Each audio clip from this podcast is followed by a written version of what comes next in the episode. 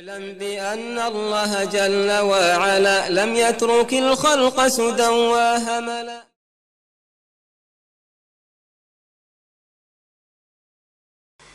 بسم الله الحمد لله الصلاة والسلام على رسول الله استعين بالله لا حول ولا قوة إلا بالله اللهم لا سهل إلا ما جعلته سهلا وأنت تجعل الحزن إذا شئت سهلا اللهم أرنا الحق حقا وارزقنا اتباعه وأرنا الباطل باطلا وارزقنا اجتنابه ولا تجعل الحق ملتبسا علينا فنضل. اللهم آت نفوسنا تقواها وزكها أنت خير من زكاها أنت وليها والله برحمتك يا أرحم الراحمين. ربنا لا تزغ قلوبنا بعد إذ هديتنا وهب لنا من لدنك رحمة إنك أنت الوهاب. اللهم اجعلنا هداة المهتدين غير الضالين ولا مضلين. يا أكرم الأكرمين. اللهم يسر ولا تعسر اللهم بارك وتمن بالخير لا إله إلا الله ولا حول ولا قوة إلا بالله أما بعد Sva hvala i zahvala pripadaju samo Allahu, gospodaru svih svjetova, koji nas je stvorio da mu robujemo, da mu ibadet činimo. Zahvala mu na tome što je učinio da taj ibadet biva iz ljubavi, straha i nade. Salavat i salam na Muhammeda sallallahu aleyhi ve sallame, onoga koji je Allaha najviše volio i koga je Allah najviše volio i voli, koji se Allaha subhanahu wa ta'ala najviše od svih bojao i koga je Allah subhanahu wa ta'ala najvećom počasti počastio. Hvala Allahu subhanahu wa ta'ala što nas je učinio od njegovih inša Allahu pokornih robova i osljednika umeta Muhammeda sallallahu aleyhi ve sellem od svih drugih časnih umeta. A zatim nakon krupnih dijela širka koja su bila raširena u doba Muhammeda, u doba šeha Muhammeda rahimahullah pa im je dao prednost u početku ili prvoj polovini ove knjige šeh prelazi na ono što je temelj svih temelja i počinje da govori o srčanim ibadetima a ovo nije priča, braćo moja, o rekaiku samo dojest od čišćenju i odgoju duše i onomu što treba, jer se obično ove teme spominju takvim dijelima, nego je šeh to stavio i spomenuo i zabilježio u knjizi o tevhidu, zato što su to ibadeti. A poznato je da svaki ibadet mora da se čini samo Allahu i ukoliko neka osoba neki ibadet čini nekome samo Allahu, on više nije musliman, on je mušrik. On vjeruje, ali procentualno Allaha vjeruje, a onoliko koliko nekog drugog za njega obožava, toliko u drugog vjeruje, pa se zbog toga zove mušrik za razliku od nevjernika, to je osoba koja ne vjeruje ili neispravno vjeruje ili tvrdi da vjeruje, a radi dijela koja ga izvode iz vjere.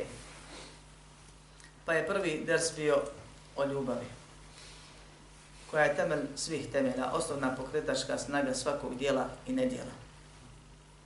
I govorili smo, dok nas jaci iskeza nije prekinuo prošli put, i nismo rezimirali ders, a to je bitno. Čak nisam ni spomenuo neke stvari koje je trebalo spomenuti. Pa ćemo ako Bog da prije govora o strahu kao drugom najvažnijem i barito nakon ljubavi, da se vratimo ako Bog da i posjetimo na ono što je suština prote, pro, prošlog versa, a to je da Allah subhanahu wa ta'ala stvorio nas je da ga vjerujemo, da ga obožavamo, da ga volimo. Jer je ljubav osnova i temelj svih ibadeta i svakog vjerovanja. I naredio, je, naredio nam je da ga volimo onako kako se Bog voli. A to je ljubav koju nužno prati poniznost prema voljenom veličanje voljenog i pokoravanje bez pogovorno onome koga se voli. I tako se samo Bog smije da voli. Pa ako tu ljubav usmjeri nekome sem njega, na taj način taj je počinio širk. Allahu subhanahu wa ta'ala pripisao mu je sudruga u ljubavi i dokaze su pozabilježeni u proteklom poglavlju. To je prva vrsta ljubavi. Ljubav se ostavi dijeli na propisanu, dozvoljenu i zabranjenu. Propisana ima nekoliko vrsta. Prva vrsta je ova, ljubav koja je ibadet. A to je ljubav poniznosti, pokornosti i veličanja. To je prva vrsta propisane ljubavi, ona je koja nam je naređena. I ona je nužna. I bez nje nema ništa. I samo se Allah subhanahu wa ta'ala vori radi njega, radi svog bića, jer je samo on savršen bez mahane i bez greške. Opisa najlepšim osobinama i nazva najlepšim imenima koje na te osobine ukazuju. I samo on subhanahu wa ta'ala radi dijela bez greške, dijela u kojima ne griješi, a koje su nama nužno potrebne da bismo obstojali. On održava sve.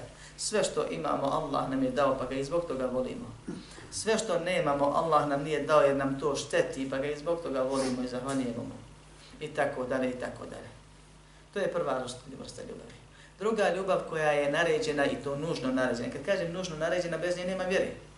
Je da volimo ono što Allah subhanahu wa ta'ala voli. Pogotovo njegove propise. I spomenuo sam ajetom kojima Allah subhanahu wa ta'ala govori da su uznevjerovali zato što su prezerali nešto od onoga što je Allah naredio. I s tim je Allah zadovoljan. Sljedeća ljubav, i tu spada ljubav prema Allahovim propisima i ljubav prema Allahovom poslaniku Muhammedu sallallahu aleyhi ve selleme i onima drugima od koji, e, ili za koje nam je došla naredba u Kur'anu ili sunnetu da ih moramo voditi. Sljedeća ljubav je ljubav koja je naređena, ali nije uslov za ispravnost vjerovanja, nego je onaj koji nema grešnik. A to je ljubav u ime Allah. Musliman mora da voli svakog vjernika sve dok je vjernik, dok ne izlazi iz vjernika. Onoliko koliko zna da je vjernik, istovremeno ima pravo i treba da ga mrzi onoliko koliko zna da je grešnik. I to je moguće, to je normalno. Tako mi živimo. Možda ne definišemo stvari ovako na izgled grubo, ali to je normalno. Tako se ljudi ponašaju jednim prema drugima po pitanju onoga što im je bitno u životu.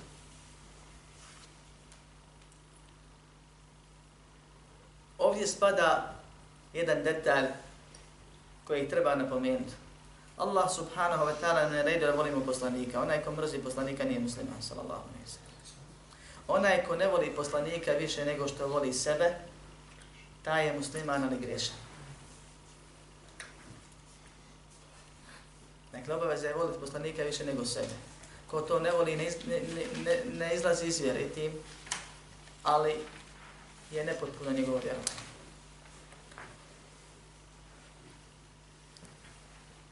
Ovo su vrste propisane ljubavi. Suprotno njima imamo zabranjenu ljubav. Prva vrsta zabranjene ljubavi je ljubav koja je širk. To je usmjeravanje one prve ljubavi nekome sam Allahu subhanahu wa ta'ala. Da se neko voli ponizno, veličajući ga, izvršavajući bez pogovora ono što on traži od tebe, to je dijelo širka, širku i badetu. Jer je ljubav ona prva i.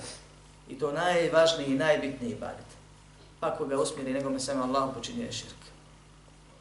Druga zabranjena ljubav je ljubav prema onome što Allah mrzi, a su suprotnost je direktno s našom vjerom. Kao što je ljubav prema nevjerstvu. Ili ljubav prema nevjernicima, a radi njihove nevjere da ga voliš i cijeniš zato što je nevjernik, zato što su prastila i tako dalje. To ne bi čovjek radio da nema naklonosti prema toj nevjeri. Takva ljubav izvodi iz vjeri. Nije širk, ali jeste kufr. Sljedeća vrsta ljubavi je zabranjena ljubav koja je haram, a ne izvodi iz vjeri. Tu spada svaka ljubav prema grijehu. Braću moja, svaki onaj ko čini neki grijeh, on ga i voli. Bez što zna da je to loše, nema to i nije nemoguće. Da to nešto ne valja, da je problem, da ovo, da ono, kritikuje sebe, osjeća se grozno što to radi, ali on voli taj grijeh, zato ga i radi. Bilo koji grijeh. I zato je ljubav prema grijesima haram. I grijeh sam po sebi, a samo njihovo činjenje je manji grijeh od ljubavi ko, koja je povod činjenja tih grijeha. Ili ljubav prema nevjernicima radi dunjaluka i divljenje njima radi nekih stvari koje ima Allah dao, to je zabranjena ljubav. Ostane ono što je između toga i to je dozvoljena ljubav. Takozvana prirodna ljubav. A to je da čovjek voli roditelja, to je ljubav poštivanja, ili nekog starijeg, ili nekog komu dobročinstvo čini valjom u životu, osjeća naklonost prema njemu i tako dalje. Da voli slabog i slabijeg, da voli svoje dijete i potomstvo, to je ljubav samilosti, ili ljubav miješanja, da voliš jarana, što družiš se s njim i navikneš i osjećaš neku naklonost, i ne može kuće izbjeći. Onaj s kim je neko komšiju, prijatelja, čak i kolegu na poslu, kad su dugo godina zajedno, osjeća se neka naklonost. Ta, braću, moja prirodna ljubav nije zabranjena, ali ona sama po sebi ne postoji. Srce ne može da voli samo prirodnom ljubavi, nego srce je ili vjerničko ili nevjerničko. Pa ako je vjernik, on istovremeno njega voli ili mrzi vjerskom ljubavlju i mržnjom, a ne utječe na to prirodna ljubav. Pa nema sumnje da islam, musliman voli svoga oca i majku kakvi god oni bili. I to ne smeta pod uslovom da ih još više voli ako su dobri i da ih mrzi zato što ih Allah mrzi ako nisu vjeri. I da ih se odreće u vjerskom smislu, a da im je obavezan da ih sluša i da im se pokorava u dinaloškom smislu, da im izme čini koliko im moguće.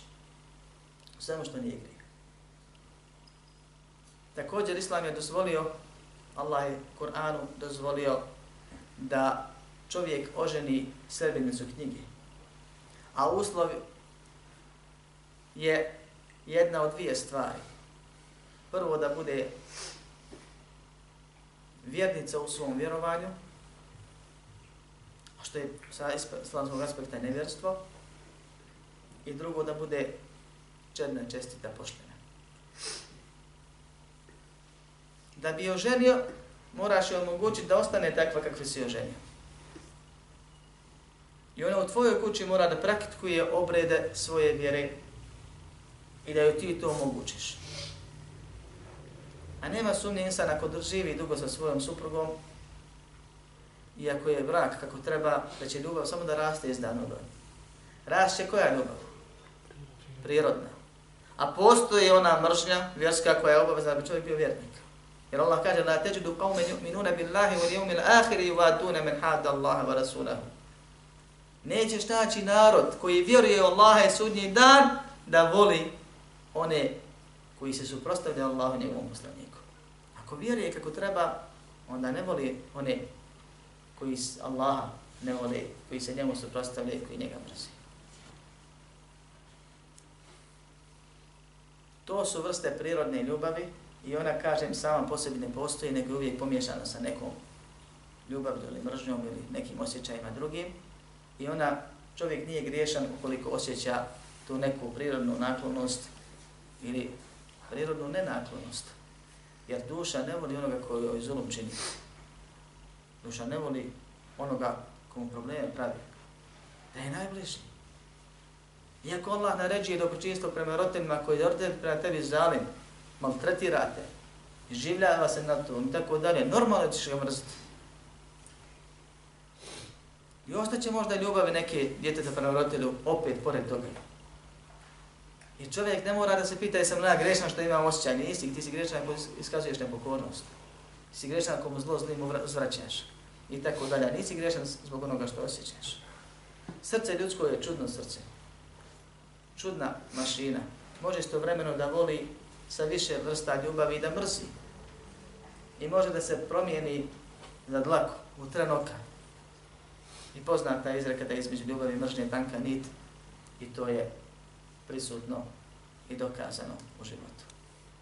Nakon ljubavi, braćo moja, rekli smo da vjernik Allah subhanahu wa ta'ala obožava i da je pravi rob samo onaj ko Allahu robuje iz ljubavi, straha i nadi.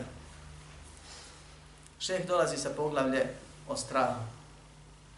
I spominje ajete u kojima nam se naređuje da se Allaha subhanahu wa ta'ala bojimo, u kojima nam se zabranjuje da se bojimo nekoga sem njega i neke druge predaje, gdje ćemo mi ako Bog da kroz komentar tih dokaza pojasniti stav Islama po pitanju straha i vrste straha, kad je strah obavezan i kakav je to strah, kad je strah zabranjen, kad strah može biti širk ili kufr i tako da.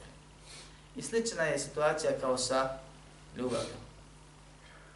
Kaže, babu qavli Allahi ta'ala, inama dhalikum u šeitanu yukhawbifu awlija'ah, fala te khafuni in kuntum mu'minin. Kaže Allah subhanahu wa ta'ala u jednom od mnogih kuranskih hajta kojima se naređuje strah prema njemu subhanahu wa ta'ala kaže inama dhalikum shaytan yukhawwifu awliya'ah to je samo šejtan koji vas plaši svojim pristalicama. Fala takhafuhum nemojte ih se bojati. Wa khafuni in kuntum mu'minin nego se mene bojte ako ste vjernici.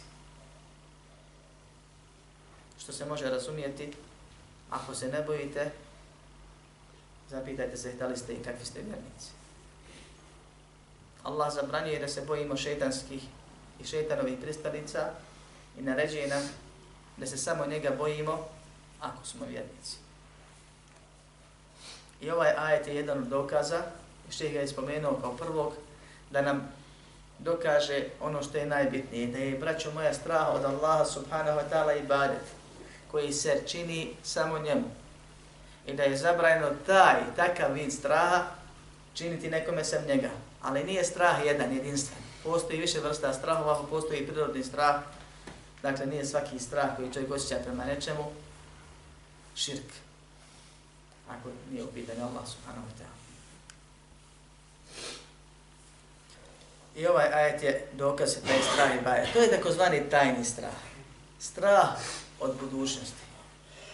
Strah od onoga što ti samo Allah subhanahu wa ta'ala može dati ili oduzeti. Dati od onoga što mi ne želimo ili oduzeti ono što želimo. Braćo moja, mi smo robovi. I riječ rob je ciljano spomenuta i na arapskom i na svim drugim jezicima. Jer zamislite roba u robovlasničkom sistemu, kako robuje svom gazdi i kako ne može da od njeg makne, bez obzira šta s njega radio i kako se prema njemu ponašao, e mi više Allahu robujemo, mi više smo svezani, vezani za Allaha subhanahu wa ta'ala, jer nemamo gdje pobjeći, ne možemo i da hoćemo. Od njega ne možemo mu moći, nego što su oni robovi vezani za svoje gospodarčiće.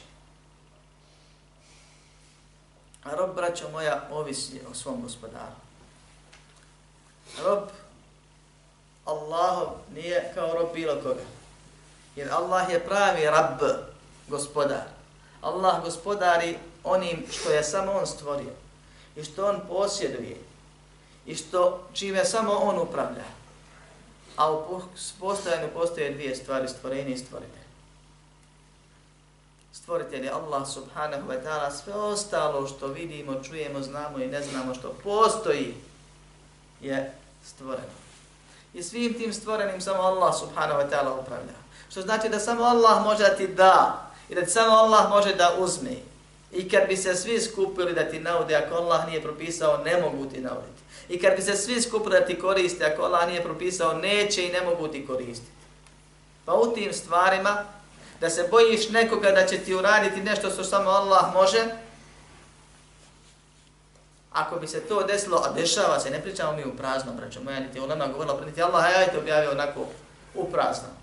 Nego postoje ljudi, govorio sam vam da i kod nas ovdje postoje ljudi u Bosni, pa i bliže u okruženju, koji uče svoju djecu kako da se ponašaju da ih ne bi se naljutio šejh u teki, jer šejh zna što oni rade. Koji govore kako je drstanje pred šejhom i straha od toga da te istjera i starikate da se naljuti na tebe od najvećih vidova i badeta i ko zna šta još. Koji se boje, braćo moja, kojem kad kupuješ ovdje nešto, vallahi je tako, vallahi, vallahi, i dođeš u situaciju ako to nije dozvoljeno, da mu kažeš da se zakuni svojim šejhom. jer znaš da je od tih ljudi. Ne smije. Jer laže. I boji se da se šejh ne naljuti, da vječnu patnju ne osjeti. da mu šefat ne učini. Pa kad mu kažeš jesi li ti normalan, lažeš na Allaha i ne bojiš se. A ne smiješ slagati na šeha i bojiš se, kaže Allah je milostiv, šeha ipak čovjek može, ne znamo će se odljutiti. Ali ti prizna da taj, tu, taj vid straha koji se samo Allahu smije činiti zbog njega, prema njemu strahovati tako, on već osjeća prema nekome drugom. Usmjerava taj ibadet nekome samo Allaha, čini širk Allahu subhanahu wa ta'ala. U drugom ajetu Allah subhanahu wa ta'ala u suri Taube spominje ma kana lil mušrikine en ja'muru mesajid Allahi nije dozvoljeno mušicima da grade nije njima, nije njihovo da oni prave bogomone, Allahove kuće, mesčide. Kad sami svjedoče da su čafiri, takvima su propala djela, kaže Allah subhanahu wa ta'ala. Pa onda prelazi na ovaj ajed koji je še spomenuo, إنما يعمر مساجد الله من آمن بالله واليوم الآخر وأقام الصلاة وآتى الزكاة ولم يخش إلا الله fa'asa ulaika an yakunu min al-muhtadin. Kaže Allahove kuće grade i posjećuju u njima ono što se treba da obavi dobavljaju oni koji vjeruju Allaha i sudnji dan, koji namaz obavljaju zekija daju i koji se nikoga sem njega ne boji. Kaže Allah subhanahu wa ta'ala, nadati se da će takvi biti upućeni. Kažu komentatori Kur'ana, od ashaba pa nadalje, od Ibn Abasa pa nadalje. Kad Allah kaže u Kur'anu nadati se, to znači sigurno. To jest, takvi su upućeni. Kakvi? Koji vjeruju Allaha kako treba vjerovati. Ne čine mu širka. Koji rade ono što ih čini muslimanima od namaza i ostalih ruknova. I koji se ne boje nikoga sem njega. I ovdje se spominje riječ jahša. Haš je jahša. To je druga i vi straha. Ima vrsta straha. Ima i stepeni straha. Ima hauf koji nam je naređen. Strah. Ima hašje. To je strah uz spoznaju onoga koga se od koga strahuješ i veličanje toga. Ima rahbe. To je strah koji prati dijelo. Da ne budemo od onih koji sjede i kad se sjeti svoje greha, suzu puste i prepadnu se gdje će umrijeti, jer čim ih taj osjećaj prođe, ponovno se grijehu vrati. Ili gafletu i namaru. To je naj rašireniji vid straha ili napad straha. A to nije pravi strah. Minimalan je hauf. Allah traži od nas. Fala te hafuhum wa hafuni in kuntum mu'mini, Nemojte se njih bojati, bojite se mene ako ste vjernici. To je onaj osjećaj nevjera u srcu, napetosti i ostale stvari koje svako od nas osjeća ne mora se objašnjavati. Znamo šta je strah. Koji za rezultat ima da izvršiš naređeno i ostaviš ono što ti se zabranjuje. Pa kad čovjek iz straha od Allaha, kad čovjek ostavi nešto radi Allaha, od greha, bojeći se postići tih greha, on se Allaha boji. I onoliko koliko radimo naređeno i koliko ostavljamo zabranjeno, mi se Allaha bojimo. Svaki nivo iznad toga može biti problematičan, kao što spominje Ibn Kajim, Ibn Taymi i drugi. Jer može voditi do beznadežnosti. Drugi je oblik, a ne nivo straha i boli strah je to kad taj strah te tjera da radiš dobra djela i da ostavljaš sva i da ostavljaš ono što te vodi ka zlu ili možete odvesti. A još više je kad taj strah nije strah, rekao ti neko to je haram i ti rekao hvala ti neću to više nikad raditi, ne radiš da bi u džahenem otišao. I kad znaš o svom gospodaru više nego onaj drugi. Pa kad iz te spoznaje se Allah subhanahu wa ta'ala boji što je hašije. Zato Allah kaže innama jahša Allaha min ibadihi al-unama. Allaha se najviše boje, to jest ovu vrstu straha, hašjet, osjeća od njegovih robova učeni. Što? Zato što su ga najviše spoznaju. Učenjaci, ne učeni. Ulema. Malo prije sam govorio prije dersa, razlik između učenjaka i šehova i učenika i ostalih. Što je čovjek učeniji, što više Allaha zna i spoznaje, spoznaje njegove metode upravljanja na zemlji, toga se više boji ovom najkvalitetnijom vrstom straha. I pod njom potpadaju ove dvije vrste koje su spomenute. Onda to njega tjera da što više dobrih dijela uradi jer će se vagat. Da se što više i češće i kvalitetnije kaje. Da se što ređe gresima vraća, stvarno smo da griješimo, griješimo, griješili, griješili smo i griješit ćemo. ali da se bori.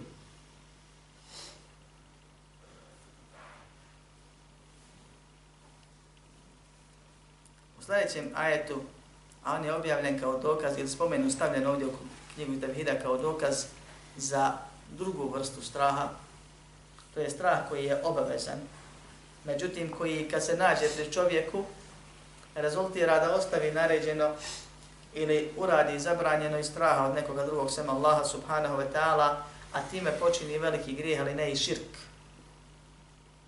Pa kad spomenemo dokaz ili ono po čega je objavljeno, pojasnit ćemo razlike ako bude detaljne i precizne. Kaže Allah subhanahu wa ta'ala, وَمِنَ النَّاسِ مَنْ يَقُولُ آمَنَّا بِاللَّهِ فَإِذَا أُوذِيَ فِي اللَّهِ جَعَلَ فِتْنَةَ النَّاسِ كَعَذَابِ اللَّهِ وَلَئِنْ جَاءَ نَصْرٌ مِنْ رَبِّكَ لَيَقُولُنَّ إِنَّا كُنَّا مَعَكُمْ أَوَلَيْسَ اللَّهُ بِأَعْلَمَ بِمَا فِي صُدُورِ الْعَالَمِينَ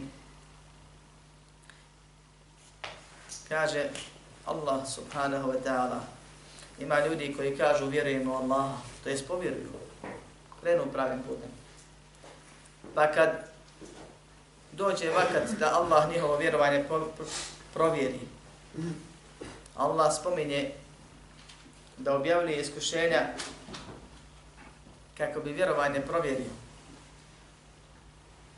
I vjernik je uvijek na nekom vidu iskušenja.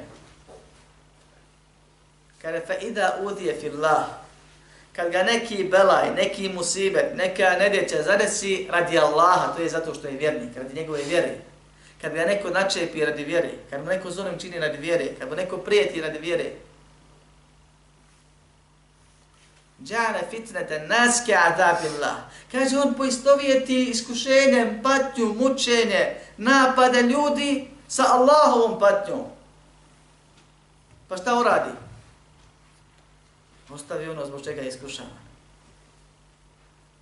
Ne mogu ja ostvariti to i to zacrtano u dunjaluka zbog tog i tog propisa koji gradim, pa ja neću raditi taj propis, inače me neće zaposliti, neće ovo, neće ono.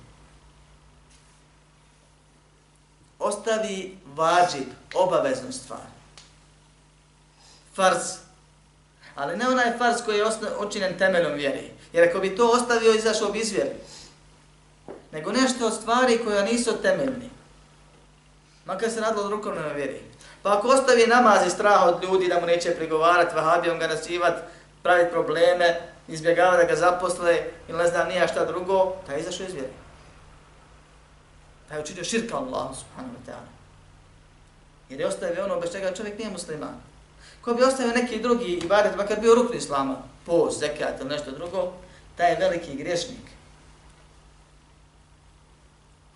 Zato što je poistovjetio, kao što Allah kaže, ali ne u stvarnom smislu, jer on zna, u posvijesti, vjeruje da Allahova patnja bolni, ali ovo je sad.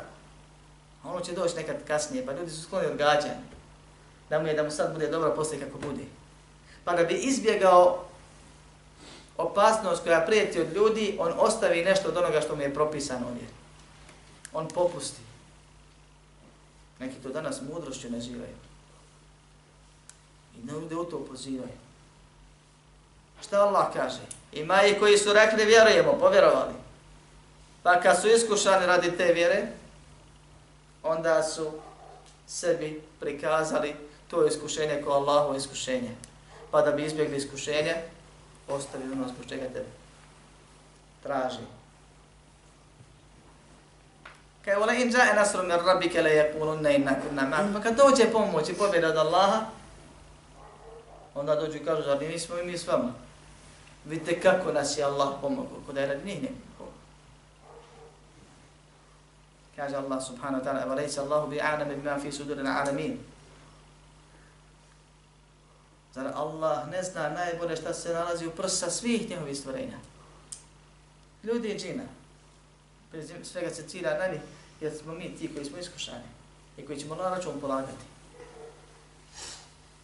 Zna Allah šta je i kako je. I zato učenjaci kažu, ko ostavi obaveznu stvar, ne iz nužde, nužda je kad ti glava treba da ode, pa Allah da olakšicu. Ili nešto od krupnih stvari.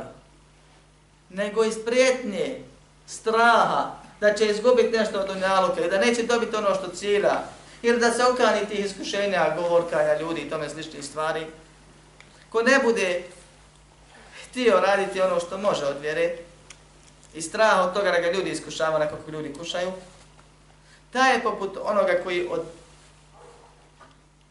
dima, kojeg prozgoro, koji je požar, bježi u centar požara, u vatru. Zamislite požar, ide na tebe, približava se tebi i ti počneš kašljati, bježi u vatru da, da izbjegneš dim. Jer je neuporediva kazna ljudi i mučenje ljudi, makar te mučili u pravom smislu te riječi sa Allahovom kaznom.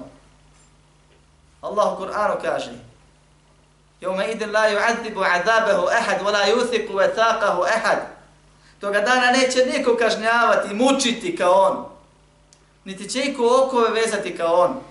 70 lakata dug lanac, da sveže čovjeka, užaren u vatri. Sveže ga tako da mu sastavi potiljak i pete od pozadi.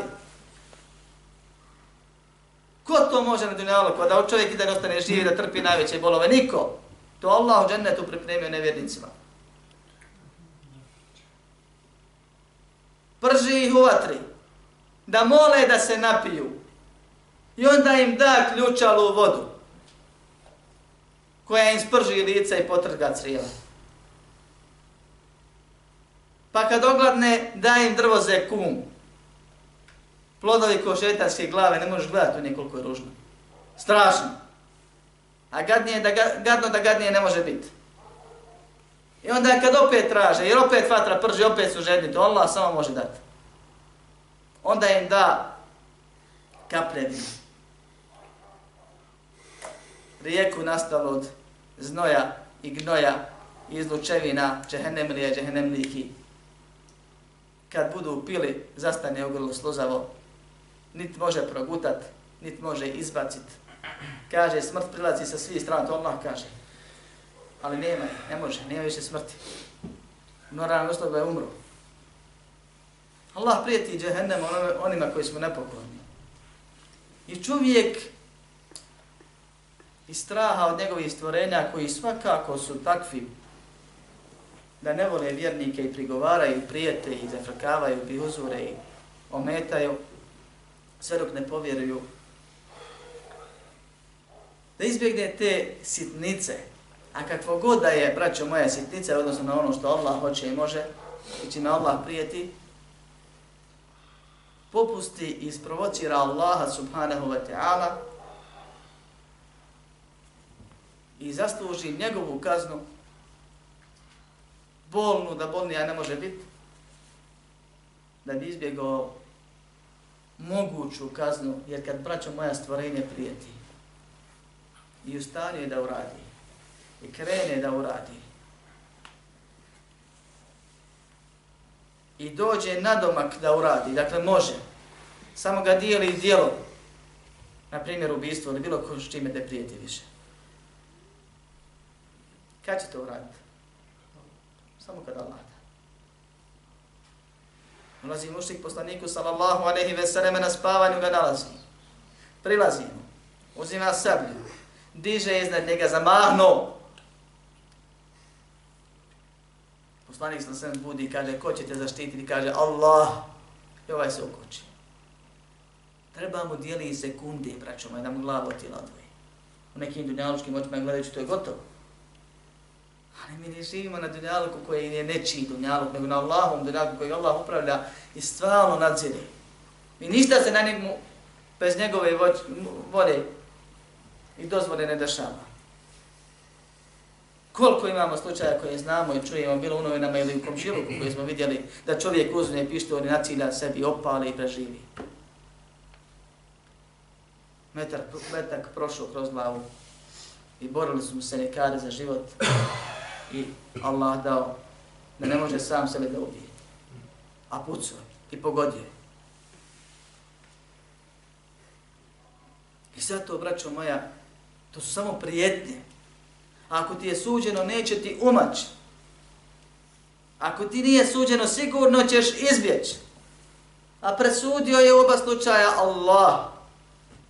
Gospodar koji stalno gospodari nadzire, motri i upravlja I nije dozvoljeno muslimanu da iz straha od ljudi ostavlja Allahove naredbe i zabrane, nego mora da se bori. Svako kome iman padne, raste mu ovaj strah zabranjen. I to je normalno. I danas je čovjek jači, sutra je slabiji i tako dalje. Pravo što opet može da bude jači. Ali ovo je propis. I ovo je cilj. I ovakav treba da se bude. A da se ne bude onako kao što Allah opisuje ovdje. Kao što tamo zabranio i kaže ako su vam očevi, dunjaluk i trgovina i kuće u prošlom majtu koji smo govorili, prošli des, draži od Allaha i poslanika i borbe, tu je objavljeni povodom onih koji su ostavili džihad od dunjaluka, tako se ovdje zabranjuje da čovjek ostavi propis radi dunjaluka bilo koje vrste, tamo iz ljubavi prema dunjaluku, ovdje iz straha od iskušenja ljudskog. Nego na čovjeku da se osloni na Allaha, da se njega boji, da je svjestan da koliko god te neko htio kaznit, možda hoće, možda neće, ako Allah dozvoli hoće, ako ne dozvoli neće, a ako te kazni radi Allaha, ti si uspio, a nisi izgubio, a ako popustiš, ti si Allaha isprovocirao i tek se onda spremi, stavi 3 sekunde, 5 sekundi ruku na uzarene plate, pali upaljača i vidi možeš ti. Treniraj se. To te čeka. To me hrliš ako radi ljudi Allaha provociraš. Pa eto, probaj se, junače. Nakon toga šeh ovdje spominje dvije predaje koje se ovdje su spomenuti kao hadisu, a nisu od hadisa poslanika sallallahu alaihi wa selleme, nego je jedna predaja slaba, ali je značena ispravno, a druga je od Aisha radijallahu anha vjerodostojno pretvrđena, a ona u ovim stvarima ne može reći po svom hiru, nego je to naučila od poslanika sallallahu alaihi wa sallame i one su, i onima se pojašnjava kako se musliman treba da pojašnja, ponaša po ovim pitanjima. U prvoj predaji stoji Inna min ta'fi al-yaqini an turdi an-nasa bi sahati Allah. O slabosti ubjeđenja. Znak slabog ubjeđenja, ne da ga nema. Bez ubjeđenja nema vjere. Što nam mora biti ubijeđen. Ali ubijeđenje isto tako raste i opada i nije isto.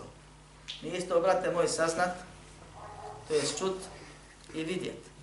Nije isto vidjeti i probat. Postoje generalno tri vrste ubjeđenja.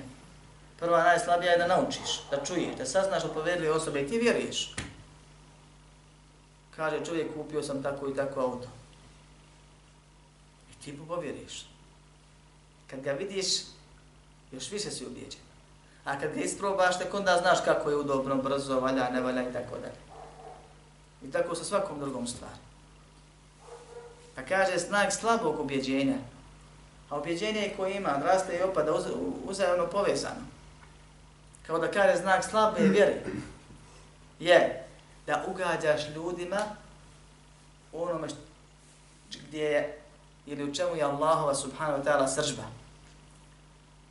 Da srdiš Allaha radi ljudi. Druga, wa an tahmadahum ala rizqi Allah. Da im budeš možemo reći pretirano zahvalan na tome što su ti dali od nafake koju ti Allah propisao. To je također zabranjeno. Sve što dobiješ od nekoga, to ti Allah direktno poslu, preko njega. Pa nećeš tu osobu veličati, nešto ga dizat posebno, uvlačit mu se, ali mu hoćeš biti zahvalan. Jer je njega Allah učinio sebe na osnovu hadisa ko nije zahvalan Allahu, ljudima nije zahvalan ni Allahu.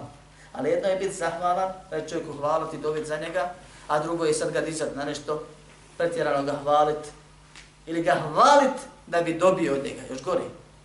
Tu imaš dva grijeha, grijeh prosjenja koji je zabranjen i grijeh ovaj koji se spominje ovdje, da veličaš čovjeka radi na fake, koji ti Allah svakako propisao. Ako njega ne bude, ako on u tom trenutku umre, opet će ti doći ono što ti je propisano, ne može ti niko uskratiti. I treća, en te dumehum ana melem ju'tik Allah. Da ih kritikuješ zbog onoga što ti Allah nije dao, ne oni. Možda si očekivao nekoga da ti pomogne, pa te nije pomogao. Ili si želi, ili se nadao, ili hoćeš, ili si bio negdje u nekoj situaciji gdje se dijeli određenoj grupi ljudi, pa i ti sebe smatraš da si trebao biti u toj grupi, a nisi. I tako dalje, pa da kritikuješ i mrziš onoga koji je to radio po svojoj procjeni. A to je pravo kome je dozvoljeno tako, zato što tebi nije dao. Kao što je došao onaj s čije su kičme nastale Haridžije, pa nakon što nije dobio što je tražio, uhvatio poslanika sallallahu alaihi sallam, povukao ga i rekao, o Muhammede, budi pravedan. Jer pravda je samo kad ti dobiješ. A nije pravda kad dobije oni koji su potrebni ili kad čovjek da na osnovu nekih stvari. Jer, braćo moja, Allah ne naredio svima nama da pomažemo, da dajemo, da dijelimo.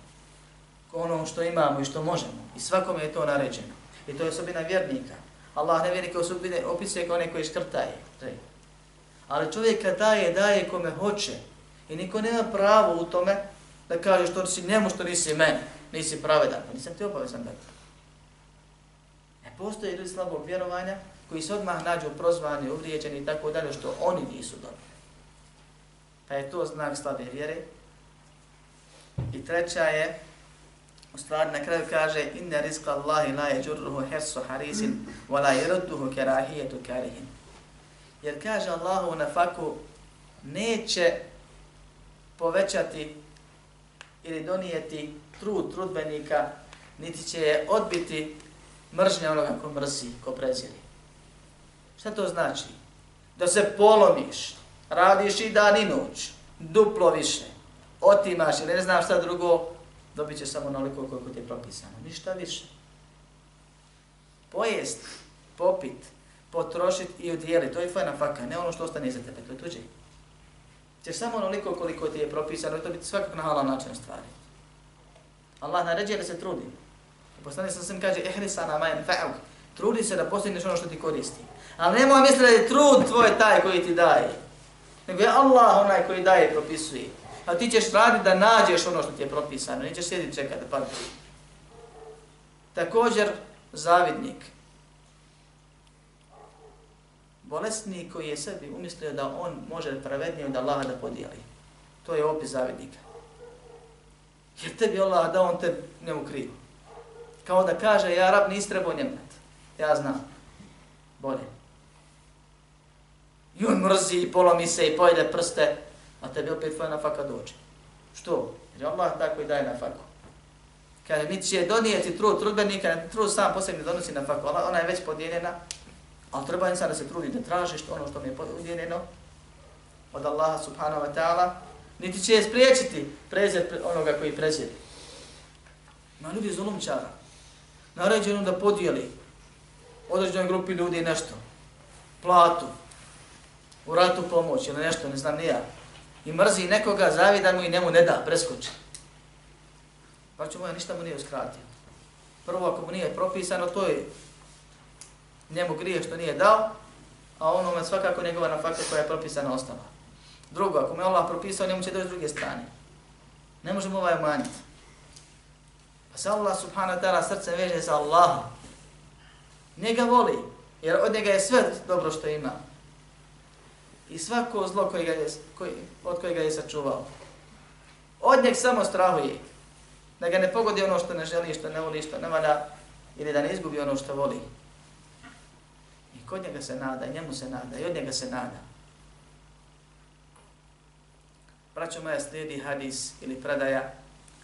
razilazi se ulema da, je, da li je poslanika sa ili nije, ali je dosta potvrđen da je to govora iše radi Allahu anha, a radi se o obavijesti koju ne može insan onako skontakt obavijestiti, nego je ova predaja stvar koju bi čovjek trebao da zapamti. Ako treba negdje i da zapiši i da se po njoj u životu vodi. Ako hoće bez problema, a hiretski problemi su najveći problemi, ona mjavak će biti proč, to je brže nego što mislimo, da dođe do džennete i Allahove milosti. Kaže, من التمس رضا الله بسخط الناس رضي الله عنه وأرضى عنه الناس ومن التمس رضا الناس بسخط الله سخط الله عنه وأسخط عليه الناس ko bude tražio Allahovo zadovoljstvo u srđbi ljudi. Ko bude radio kako Allah naređuje, makar se ljudi na njega ljutili. Allah će s njim biti zadovoljan. A zatim, a za ovo zatim, za ovaj period ima i drugi dokaze, ne razumije se sami predaje, dakle kad dođe neki period, kad tad Allah će učiniti da ljudi s njim budu zadovoljni. Pa će moja bilo sad ili kasnije, bilo na ovom ili na onom svijetu, sigurno da će svaki nevjernik, mrzitelj islama i muslimana, željeti da bude na mjestu muslimana i govorit će kako je uspio i da i nama da i mi uspijemo i vrati nas se Arab da i mi budemo onakvi kakvi su oni i tako dalje. To je u krajnjem slučaju. Sigurno na ahiretu će biti zadovoljno. Ali često Allah subhanahu wa ta'ala nas iskuša sa bliskim našim koji te ometaju kad te kreneš u vjeru i pravi ti razne probleme. I ako ustraješ u ima Allah subhanahu wa ta'ala, dođe vakat kad se tobom ponose i hvale. I zadovoljni budu. Ali treba dočekati taj vakat i ustrajati za Allahovu pomoć. Ako bude tražio Allahovu sržbu, srtio Allaha, kako bi zadovoljio ljude, kaže Allah će na njega biti srdit, jer se Allah ljuti. I ne voli grije, i ne voli nekoga čine, i ljut je na njih. I zato kažnjava što je ljut. Subhanahu wa ta'ala. I naziva džahennem njegovom sržbom i njegovom patnjom kojom pati one koji su mu nepokorni. Kaže i da će Allah da i ti ljudi kojima udovoljava da i oni budu srditi na njega, da i oni ne, nisu zadovoljni s njim. I to je poznato. Nije se rodio koji ljudima ugodio, to svi znaju. I probaj im ugoditi pa ćeš vidjeti. Imaćeš više neprijatelja nego prijatelja. A probaj ugoditi Allahu, bit ćeš sretan. U najmanju ruku vidiš ga da priča sebi u bradu ili tamo čuješ ga iza zida, on ne zna da ga čuje, da, da zna ne bi ni pričao kako te ogovara i komentariše i priča protiv tebe, a ne smije ti ni u lice da kaže. A hvala Bogu, pa šta me briga što on misli i šta on priča, bitno je da tebe ne pogađa i tebe ne dira. A i da te dira, ono što ima Allah, to je slatko, to ti briše grijehe, da ti povećava deređe kod Allaha subhanahu wa ta'ala, ali ova predaje treba čovjeku vjerniku da bude vodila. Bojimo se samo Allaha subhanahu wa ta'ala onome što nam samo on može dati time mu ibadetimo. I to je prva vrsta straha. Druga vrsta straha je onaj koji nam je naređen. Radimo ono što je Allah naredio i straha da nas ne kazni. I ostavljamo ono što, nas je, što nam je zabranio i straha da nas zbog toga ne kazni. I to je obavezni strah. Ko tu pogriješi, griješnik je, a nije nevjernik u osnovi. Osim ako se radi o stvarima koje su nužno učinjene kao stubovi temelji vjere. Treća vrsta straha je strah koji je širk. Da se onako kako se Allaha bojimo, ne do Allah nekog od Allahovi stvorenja bojimo. I četvrta vrsta straha je prirodni strah, braćo moja, za koji čovjek nije ni nagrađen ni kažnjen. Strah od zvijeri, strah od toga da te može na to onaj ko stvarno može ustani, jer čovjek osjeća taj neka nelagodnost i strah i to nije zabranjeno. Sve dok ne pređe neko od ovih granica koji smo spomenuli. Znači čovjek ti prijeti i tebi nije drago, nije normalno. Da sad se oglušiš na to. Ali hoćeš li ti radi njegove prijetnje isprovocirati, ne do Allah i uvrijediti i rasrditi Allaha subhanahu wa ta'ala ili ćeš osjećati tu nelagodu prsima, taj strah i nastavi dalje osloniti se na Allaha. Zvijer, opasnost, prirodna i ne ovaka i nakva, to je normalno se ljudi boji. Nije haram da se bojiš ti opasnosti koji su realne opasnosti. Haram je da Allaha, Allahove granice kršimo zbog mogućih opasnosti ili da ne do Allah da se bojimo stvorenja onako kako se samo Allaha mora i smije bojati. Molim Allaha subhanahu wa ta'ala da nam poveća ljubav prema njemu, da nam poveća i usadi ispravan strah od njega, a to je ono što nas tjera da radimo ono što on naređuje, ostavimo ono što on zabranjuje. Molim Allah subhanahu wa ta'ala da nam poveća nadu i njegovu milost i to će ako Boga uskoro doći kao zasebna tema. Molim Allah subhanahu wa ta'ala da nas poživi kao one s kojima on zadovoljan, da nas usmrti kao one s kojima on zadovoljan, da nas proživi sa onima s kojima je on zadovoljan i da nas uvede u kuću njegovog zadovoljstva džennet, a sačuva od džehenneme džehennemske kazne, da oprosti nama naše i ostalim vjernicima i vjernicama njihove grijehe, da pomogne islam muslima na svakom mjestu. Amin. Alhamdulillahi rabbil alamin.